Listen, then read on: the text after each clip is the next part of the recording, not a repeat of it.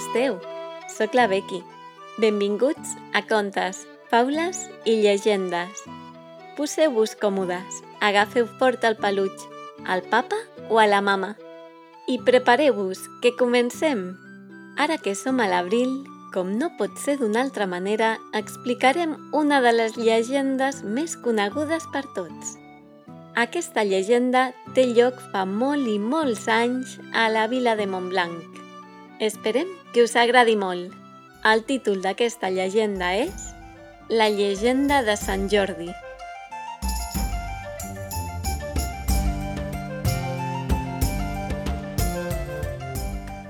Ens explica la llegenda que fa molt i molt i molt de temps al poble de Montblanc vivien pacíficament del conreu del camp i dels seus ramats d'ovelles, cabres i d'altres animals com gallines i vaques. Un bon dia, a la ràdio es va escoltar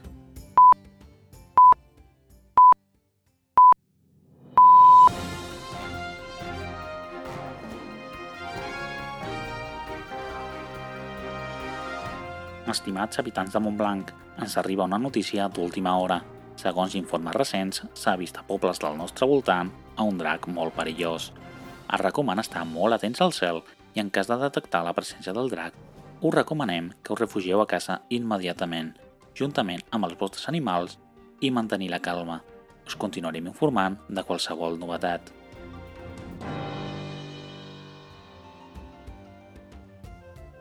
Dies després, en un dia assolellat, va arribar volant el terrible drac.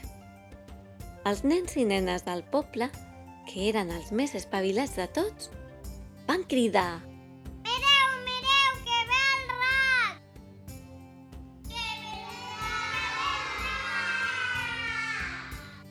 Però el drac, després d'unes voltes a l'aire, va decidir posar-se a sobre de la taulada d'una casa.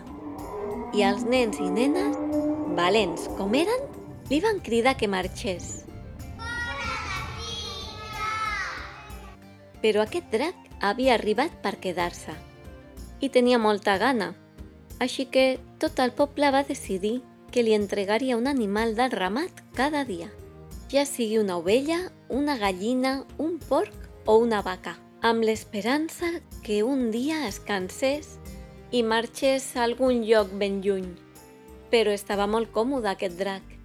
No s'havia de moure i li portaven el menjar. Quin luxe! El drac, per atemorir a la gent, deia constantment Tinc molta gana, porteu-me més menjar. fins que un mal dia es van quedar sense animals per donar-li al drac. I el rei, acompanyat de la reina i la princesa, va decidir Benvolgut poble, des de demà farem un sorteig amb tots els habitants i a qui li toqui serà enviat amb el drac per a satisfer la seva fam. A l'endemà van fer el primer sorteig. Van ficar tots els noms en un cistell i un nen va ser l'encarregat de treure el primer nom i va dir La primera persona que anirà amb el drac és la princesa. tot va quedar en silenci i els nens i les nenes, que eren molt amics de la princesa, van exclamar!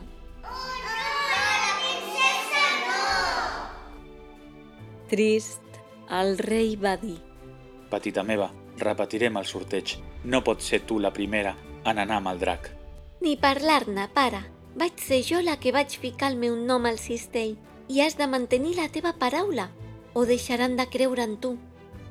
La princesa, que era molt llesta, va estar rumiant aquella nit i va tenir una bona idea. Va anar d'amagatotis a la sala del sabater reial. Va agafar alguna cosa i, sense que la veiés ningú, va tornar al llit per estar ben descansada.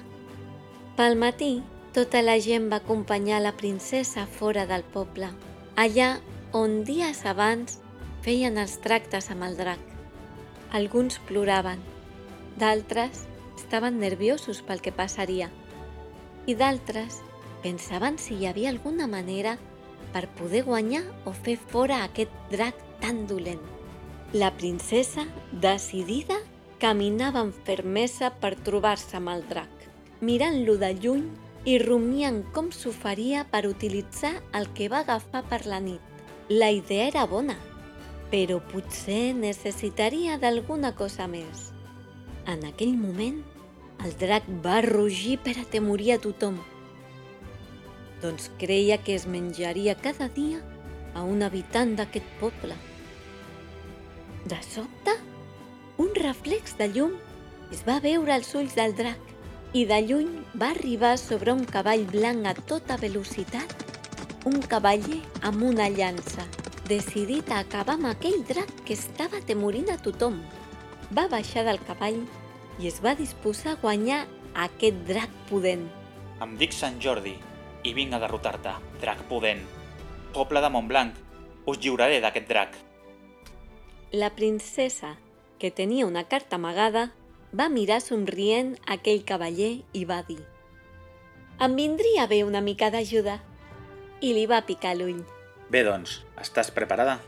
Aquell cavaller va entendre que lluitarien junts, que aquesta noia era tan valenta com ell i que junts seria més fàcil guanyar. Així que avui menjaré el doble. Veniu, veniu. De lluny es van sentir els crits d'ànims dels nens i les nenes, que deien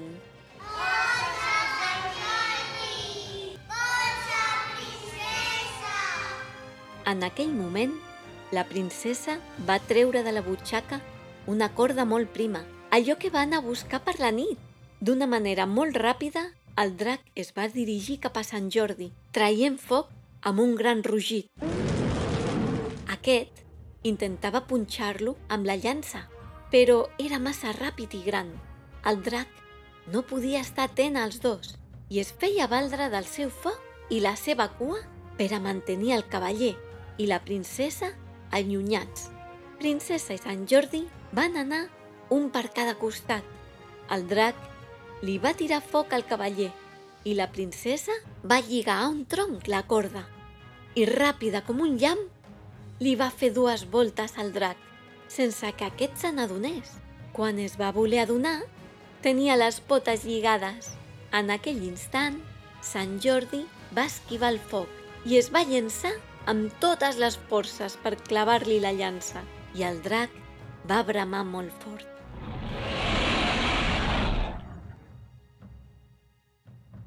Els nens del poble van celebrar la victòria de Sant Jordi i la princesa.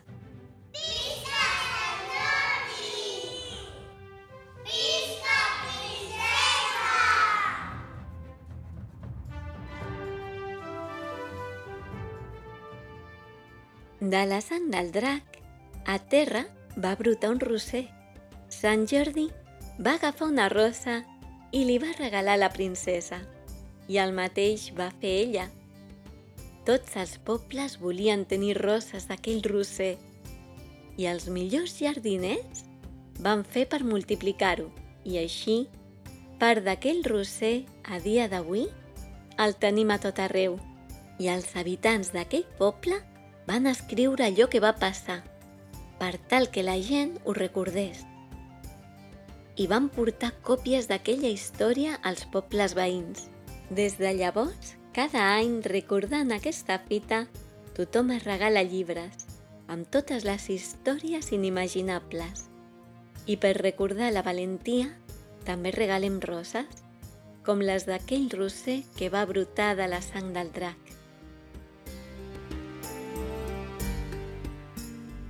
Vet aquí un gos, vet aquí un drac, aquesta llegenda s'ha acabat.